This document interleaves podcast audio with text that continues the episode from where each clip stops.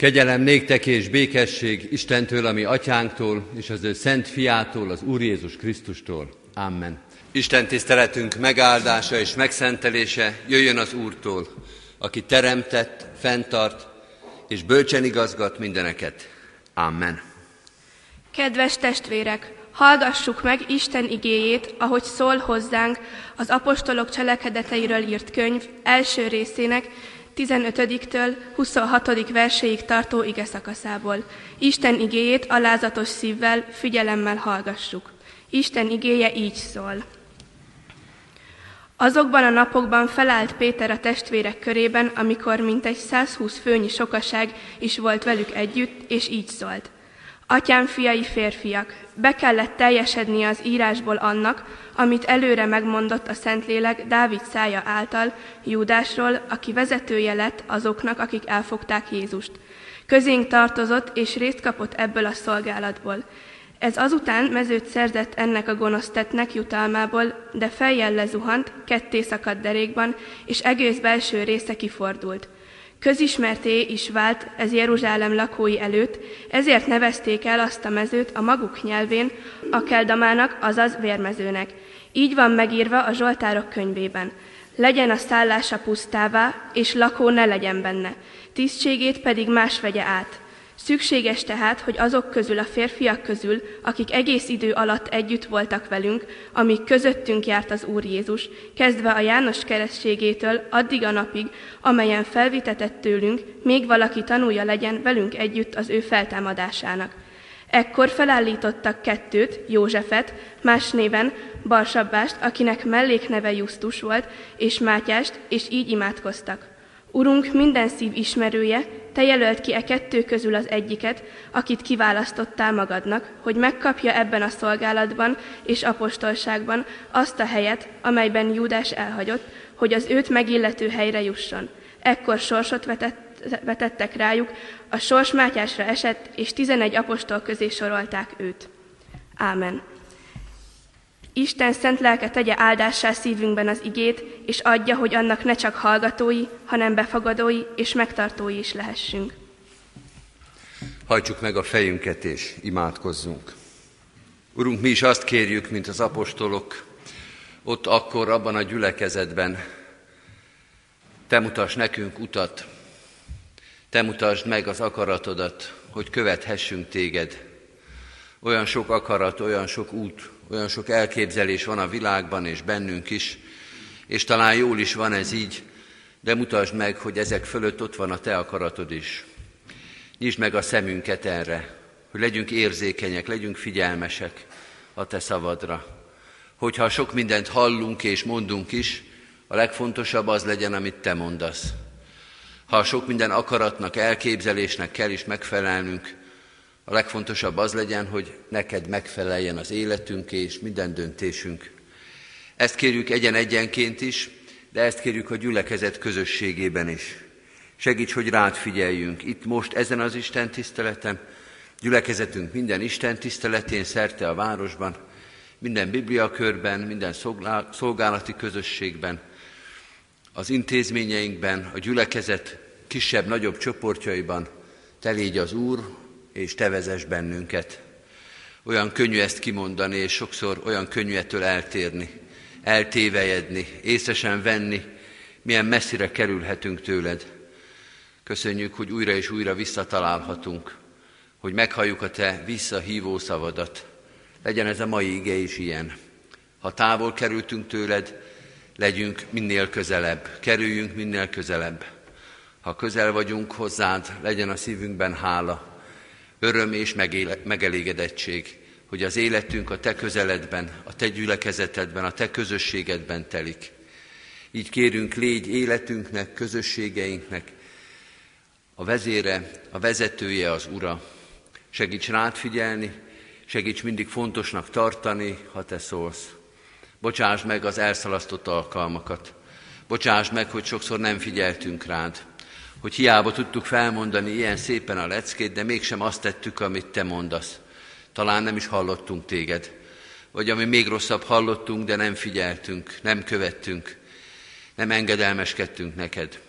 Segíts mindezeket letenni, lebírni, legyőzni magunkban, engedelmes szívvel rád figyelni. Jézus Krisztusért, ami Urunkért, a gyülekezet, az egyház uráért kérünk, hallgass meg bennünket. Amen. Kedves testvérek, az a szentírásbeli rész, melynek alapján Isten szent lelkének segítségül hívásával üzenetét hirdetni kívánom közöttetek, írva található a felolvasott bibliai részben, az apostolok cselekedeteiről írott könyv első részében, a 24. verstől a 26. versig a következő képpen. Így imádkoztak. Urunk, minden szív ismerője, te jelölt ki e kettő közül az egyiket, akit kiválasztottál magadnak, hogy megkapja ebben a szolgálatban és apostolságban azt a helyet, amelyet Júdás elhagyott, hogy az őt megillető helyre jusson. Ekkor sorsot vetettek rájuk, a sors Mátyásra esett, és a tizenegy apostol közé sorolták őt. Eddig Istennek írott igéje, foglaljuk el a helyünket.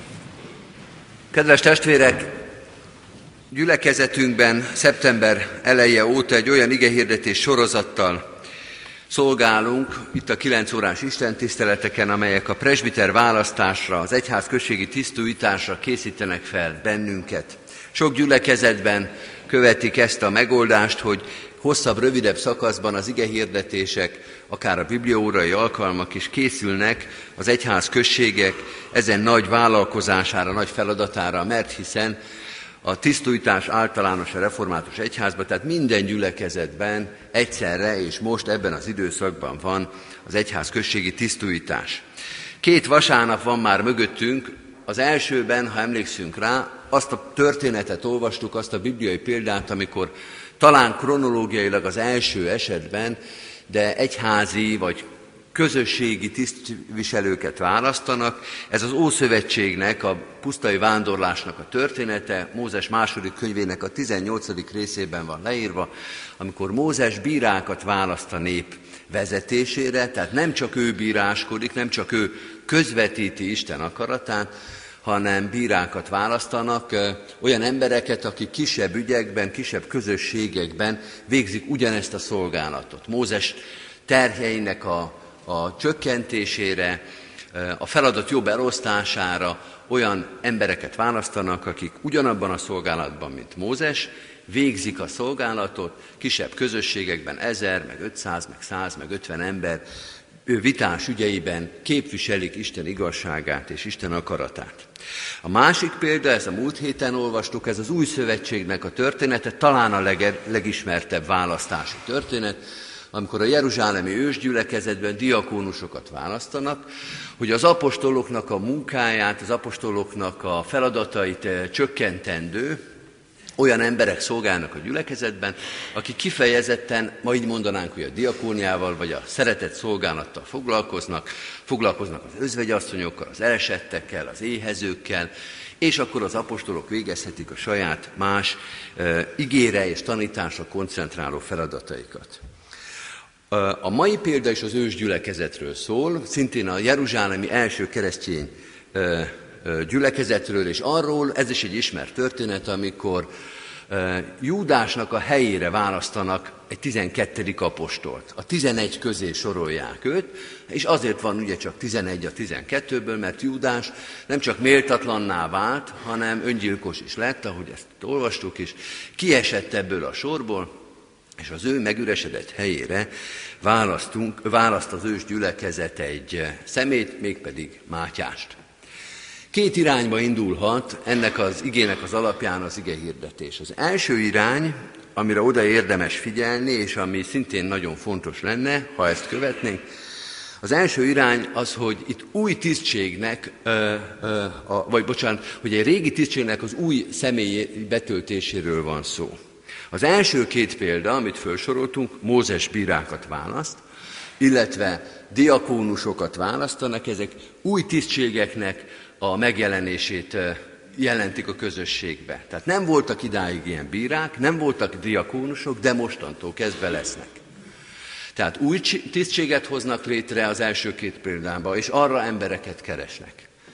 A mostani, a Mátyás apostolá választása történet annyiban új, vagy annyiban hoz új helyzetet, hogy egy már meglévő tisztség üresedik meg, és azt a megüresedett tisztséget töltik be. Van 12. apostol, van az apostoli névsorban 12-es sorszám, csak üres. Nem kell már új tisztséget létrehozni, hanem egy váltás történik, valaki kilép a szolgálatból, és belép helyette más. Ez azért érdekes, mert a presbiter választás is ilyen. Úgy mondhatnánk, hogy ez tisztújítás itt a Szentírásban már. Tisztújítás történik, a meglévő, de megüresedett tisztségre kell választani egy új embert. És arról lehetne beszélni, érdemes is lenne, hogy mi a kapcsolat, mi a hasonlóság és mi a különbség a korábbi és az újonnan szolgálatba álló ember között. A tisztség ugyanaz, de váltás történik. És mindegy, hogy a generációk váltása miatt, a ciklus zárása miatt, vagy méltatlanság miatt, mint Júdásnál, valamiatt valaki kilép a szolgálatból, és a megüresedett helyre egy másik személy lép be. Az ő helyére lép be, de a tizen egy közé soroltatik, olvassuk az utolsó mondatba, tehát olyan lesz, mintha eredetileg is ott lett volna. Mi a hasonlóság? Júdás és Mátyás között, mi a különbség, mi az, ami a tisztséghez tartozik, és mi az, ami a személyhez tartozik. Tisztújtás esetén ez is egy fontos üzenet lenne, ez is egy érdekes üzenet lenne, de van ebben az igében egy még érdekesebb dolog, talán azt mondhatnánk, hogy nagyon egyedi, egyébként ez nem teljesen igaz, ez pedig a sorsvetés. Mátyás apostolá választásában talán ez a legfeltűnőbb, hogy sorsvetéssel döntik el hogy kitöltse be a tisztséget. A sorsvetés a mai fül számára egy kicsit furcsának tűnik, talán zavarba is jövünk tőle, olyan babonásnak tűnik. Hogy nem döntenek, hanem kockát vetnek. Van ennek egy ószövetségi megfelelője, azért mondom, hogy nem annyira különleges, mert ez egy ószövetségi gyakorlat, de vajon milyen döntés az, amit végül is valamilyen pénzt dobnak föl, vagy hogyan csinálják ezt? Szabad ilyet csinálni? Hát egyedi zárójelben megjegyzem, hogy a 2017-ben aktuálisan érvényes választási törvényben van sorsvetés, szavazat egyenlőség esetén, presbiteri tisztújtás, sorsvetésre fogunk dönteni mi is. De itt most nem a technikáról van szó, és itt sem a technikát részletezi, alig is ír róla valamit, hanem az, hogy mit fejez ki az, hogy az apostolok sorsvetéssel döntik el, hogy ki legyen a Júdás helyén megüresedett apostoli tisztnek a betöltője. Miről szól a sorsvetés, mint alkalmazott eszköz? Nem a babonáról, nem a szerencséről, hanem egyenesen arról, hogy az egyházban nem az emberi döntés, hanem Isten döntése a legfontosabb. Ilyen fajsúlyos üzenete van ennek a választási technikának. Az egyházban nem az emberi döntés, hanem Isten döntése a legfontosabb. Azt mondja ez a történet, Mátyás apostollá választása, hogy az egyházban Isten az Úr. Így is kezdik az imádságot. Urunk, Te vagy az Úr. A Te akaratod a legfontosabb. Pontosabban, hogyha ezt a történetet végignézzük, leírjuk a lépéseket, nem arról van szó, hogy itt emberi döntés nincs is, hiszen a két embert, ezt a két jelöltet már a sokaságból választják ki. Tehát van egy emberi mérlegelés. Ahogy a sokból, a különböző feltételeknek megfelelő sokból kiállítják az apostolok, az apostoli közösség kiállítja a két jelöltet. De azt mondják, hogy a végső döntés, a legfontosabb döntés, Urunk, a te kezedben van, és ott is marad. Nem csak sorsvetés van ebben a történetben, hanem emberi mérlegelés is, de amikor a végső döntést keresik, akkor azt mondják, Urunk, nem akarunk a te helyedre állni.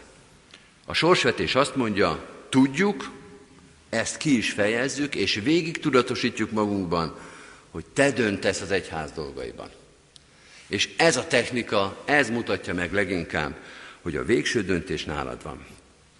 Hagy hozzak egy Jézusi példázatot, ami tulajdonképpen illusztráció ehhez a történethez. Ez a szőlőmunkásoknak a példázata amikor a gazda elhívja a szőlőbe a munkásait. Reggel hatkor, aztán 8, 9-kor, aztán 12-kor, még délután háromkor is. Tehát ilyen furcsa történet, ismerjük, emlékszünk rá, És azt mutatja meg egy másik dimenzióban, hogy mindig a gazda dönt. Nem a szőlőmunkás mondja azt, hogy én ma ráérek, elmegyek kapálni. Én szeretem a gazdát, én dolgozom a szőlőjében. A gazda dönt az időpontról is, magáról az elhívásról, és majd a végén a fizetségről is. Egy olyan példázatot hoz Jézus, ahol mindenki számára evidens, hogy vannak helyzetek, amikor mindig a gazda dönt, és a szőlőmunkás azt ezt alázattal el kell, hogy fogadja. Azt is, hogy nem hívták az elején, azt is, hogy ugyanolyan lesz a bére, és bármit. Mert ebben a felállásban, ebben a szereposztásban mindenki számára világos, hogy a napszámosoknál, a szőlőben az egyedüli döntő szó a gazdáé. Az apostolok azt mondják ebben a történetben, minket sem téveszt meg, hogy mi apostolok vagyunk. Hogy itt van már ez a sokaság, hogy vannak közöttünk okosak, hogy vannak közöttünk bölcsek, hogy vannak közöttünk, akik ismernek most már mindenkit, hogy fölépül a mi kis egyházi társadalmunk. Ez nem téveszt meg minket, mert most is, és ebben a helyzetben is, és minden helyzetben tudjuk és kifejezzük, hogy a végső döntés Isten kezében van. A sorsvetéssel ezt mutatják meg. Nem áll senki közülünk az Úristen helyére, amikor döntésről van szó. Isten az Úr, mondják az apostolok, Isten az, aki a szíveket ismeri. Nagyon szép ez a kifejezés, mi is szoktuk egyébként ismerni, és az imádságukat is ezzel folytatják. Urunk, minden szív ismerője. Hát így gondolunk mi rád, miközben apostolt választunk. Ismered a jelöltek szívét, ennek a két embernek a szívét, ismered a jelölőknek a szívét, az apostoloknak a szívét, és az választóknak a szívét akik bármilyen lépést ebben a folyamatban megtesznek. Ezt mondja nekünk is az ige. Isten az, aki mindenkinek a szívét ismeri. A jelöltekét, a jelölő személyeknek a döntését, a szívét is, és a választói névjegyzékbe szereplő embereknek a szívét is. Persze azoknak a szívét is, akik nem szerepelnek a választói névjegyzékben. Hogy ő átlátja ezt az egész folyamatot. Átlátja ezt az egész menetelést, a végső döntés meghozásáig. Az egyházban a választás, mondja ez az ige, az nem emberi játszma, hanem Isten színe előtt történő lépéseknek a sorozata. Minden szereplőt lát, mindenkinek a felkészültségét, mindenkinek az engedelmességét, mindenkinek a szándékait, mindenkinek az elképzeléseit, és mi, mondják az apostolok nekünk, erre tanítanak, úgy is cselekszünk hogy tudjuk, hogy egyetlen lépésünket nem téveszti az Úristen szem elől. Egy olyan példát szeretnék hozni, amit talán nagyon nem illik az Úristenhez, de számomra nagyon kifejező volt, amikor készültem ehhez, erre az igehirdetésre. Ez pedig egy film jelenet, amikor valaki, egy filmnek egy szereplője pókerezni tanítja a zöldfülüket, a zöldfülűeket, akik nem tudnak még pókerezni. Ő nagyon tud, a többiek meg nem. És a jelenetnek az a bája, vagy az, az érdekessége, hogy ez a nagyon tudó, ez a nagyon ismerő ember, a játékot nagyon ismeri, nem csak az embereket ismeri, hanem a kezdőknek az összes akaratát, szándékát. Második kör után tudja, hogy kinek milyen lapja van, hogy ki az, aki bizonytalankodik, hogy ki az, aki blöfföl, hogy ki az, aki csak menekül a blöffjéből, megpróbál valamilyen akciót, de aztán nem sikerül, és megpróbál belőle kihátrálni. Mert belelát a játékos tanoncoknak a szívébe. A tanítók ilyenek, a pedagógusok is ilyenek, ismerik a gyerekeinket, látják, készült, nem készült, izgul, nem izgul. Nem olyan nehéz egy rutinosnak, egy felkészültnek, egy jó emberismerőnek belelátni a másik embernek a szívébe, a gyakorlatába, az éppen aktuális lelki helyzetébe. Hát ha egy ember meg tudja tenni ezt egy másik emberrel, és azt érezzük némely emberi szituációkban, hogy hát mindent tud, nem, nincsenek előtte titkok, mindent fölismer. Hogy ne tudná ezt megtenni az Úristen? Hogy látja mindannyiunkról, hogy hogy vagyunk ebben a történetben, mert minden szíveknek az ismerője. És az apostolok azt mondják, mi is így ismerjük az Úristent. Nem belelátunk a szívébe, hanem tudjuk, hogy ő belelát a mi szívünkbe. Ezzel a fegyelemmel, ezzel az alázattal, ezzel a nyitottsággal, őszintességgel végezzük ezt a szolgálatot, hiszen ő mindent tud, és mindenkinek a szívébe belelát. Isten mindent lát, sőt, azt mondják az apostolok, már döntött is. Ezt is olvastuk. Urunk, minden szívismerője, te jelölt ki a kettő közül az egyiket, akit kiválasztottál magadnak. Befejezett ige alakot használ a szöveg. Már tulajdonképpen megtörtént a döntés. Te már kiválasztottad őt. Kedves testvérek, ne hozzon minket zavarba, vagy ne tévesszen minket ez az időragozás. Az Úristen esetében nincsen jelentősége a jelen, a jelen időnek, meg a jövő időjének, a folyamatos, meg a befejezett ragozásnak, mert ő mindent egyszerre lát. Neki már minden megtörtént. Az ő számára nincsenek még kérdőjeles, el nem döntött dolgok. Itt nem annak a hangsúlyozása folytat, ö, történik meg, hogy már meghozta a döntést, az Úristen mindent tud már, hanem hogy dönt, hogy ő leteszi a voksát ebben a dologban. Hogy valóban részt vesz ebben. Nem csak az apostolok ajánlják föl ezt a döntést, hogy mi ide tesszük ezt a két embert, ezt a két nevet, és te pedig a sorsvetéssel döntsd el, nem csak az ő készségük ez, a nyitottságuk, hanem valóban arról van szó, hogy az Úristen valóban részt vesz ebben a folyamatban. Valóban van elképzelés arról, hogy ki legyen az apostol. Valóban van arról elképzelés, hogy ki legyen Kecskeméten presbiter. És mi ezt tudjuk róla, és így gondolunk rá. Nem azt gondoljuk, hogy majd mi eldöntjük, hanem hogy az Úristen dönt ebben a dologban, és nekünk az a dolgunk, hogy ezt a döntést valahogy megtudjuk. Hogy számunkra nyilvánvalóvá váljék, hogy ő hova húzta be az X-et. Kedves barátaim, ez így első hallásra elég nehéznek tűnik. Olyan, mintha lottóznánk, de nem öt számot kell eltalálni, hanem 60 plusz 15-öt. Ennyi presbitert és prótpresbitert fogunk választani.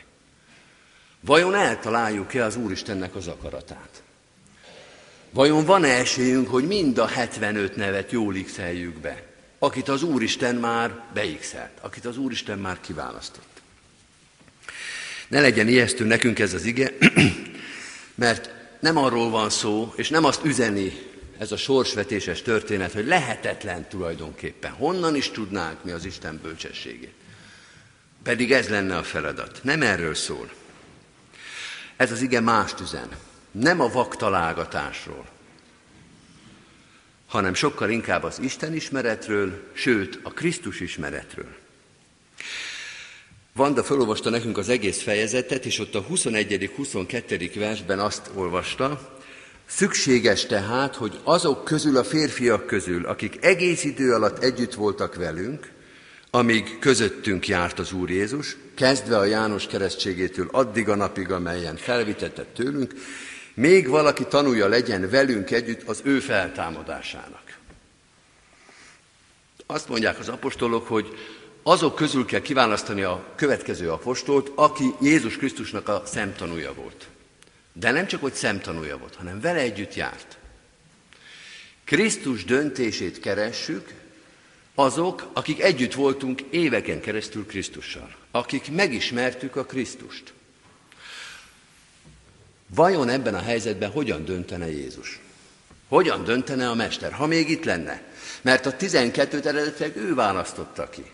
Ő mutatott rá Mátéra, ő mutatott rá Jánosra, Péterre, emlékszünk a történetre. Ha most itt lenne fizikailag, akkor kire mutatna rá? Hogyan viselkedik ebben Jézus? Mik az ő szempontjai? Mit várna el az újtól? Tehát azt mondja ez a történet, hogy olyan embereket keresünk, akit Jézus kiválasztana. Ismerjük-e, hogy hogyan választ Jézus? Ismerjük-e az Úristennek a szempontjait? Van-e valamilyen elképzelésünk arról, hogy az Úristen mondjuk egy presbiter választás kérdésbe mit tart fontosnak vagy nem? Mert azt kellene nekünk is követni. Nem vak választásról van itt szó, hanem Isten ismeretről. Mi az Istennek a fontos? Milyen szempontokat érvényesít? aki az Úristent ismeri, aki Krisztust ismeri, mint ezek az apostolok, akik együtt voltak vele éveken keresztül, együtt keltek, együtt feküdtek, együtt mentek mindenhova, látták a csodáit, hallgatták a tanításait, és most az a feladatuk, hogy egy Krisztus szerinti döntést hozzanak. Hát ki az például, aki egy házasságban ne tudná a házastársáról, hogy mit is gondol a másik? Melyik az a diák, aki nem ismeri már úgy az osztályfőnökét, hogy egy bizonyos helyzetben ne lenne következtetés, hogy mit gondol az ófő erről vagy erről. Melyik az a tanár, aki nem ismeri a diákjait, és van egy mondjuk egy konfliktus helyzet, és ne tudná a tanár már előre megmondani, hogy melyik gyerek hogyan fog ebben viselkedni. Vannak persze bizonytalanságok, de megismerhetjük mi egymást. És Krisztust is megismerhetjük. Éppen ő miatta ismerhetjük meg, ő mutatta be magát. Ő mondta meg, hogy mi a jó és mi a rossz. Hogy szerintem merre van az előre és merre van a hátra. Hát most ebben a helyzetben ki tudjuk-e találni, hogy ő mit mondana? Nem egy ismeretlen Isten szeszélyét kell kitalálni, amikor az egyházban választunk, választunk hanem egy megismert Krisztusnak a döntést kell, döntését kell magunkban követni, vagy reprodukálni, hogy ő hogyan döntene. Nem reménytelen feladat ez. Csak erre kell koncentrálni. Hogyan döntene ebben a helyzetben Krisztus? Mit mondana? Mi az első három, vagy mi az első öt szempont? Nem azon gondolkozunk, hogy szerintünk mi az első öt szempont, hanem hogy ő mit mondana. Van esély arra, hogy az ő akaratát megtaláljuk, hogy fölismerjük, ha őre koncentrálunk, ha ezen gondolkozunk, hogy ő hogyan gondolkozna. Kedves testvérek, így fogalmazhatjuk meg, az egyházban a választás az nem szerencsejáték, hanem Krisztus követés. Az egyházban a választás nem szerencsejáték. Ebből a sorsvetésből ne erre következtessünk, hanem Krisztus követés. Mi a Krisztus akarata? Annak a Krisztusnak az akarata, aki itt vár minket a megterített úrasztalán. Ide hív minket. Őre figyelve, az ő akaratát keresve, válasszunk, amikor választanunk kell, ebben a helyzetben van a gyülekezetünk, az ő igéjét hallgatjuk, az ő tanítását követjük, az ő személyén keresztül látjuk ezt a világot. Ezért van esélyünk arra, hogy amikor oda kerülünk majd az x akkor ezt a kérdést meg tudjuk választani. Vajon az egyháznak az ura, a Kecskeméti Református Egyházközségnek az ura, Jézus Krisztus, kit és miért választana és döntene a presbiteri tisztség mellett, és nem. Segítsen ebben minket sok imádság, ahogy az apostolok tették, sok igei tanítás, ahogy Isten igéje vezethet minket, és ez a megterített úrasztala is, amelyben most ő, az egyház, a gyülekezet ura vár minket közösségébe.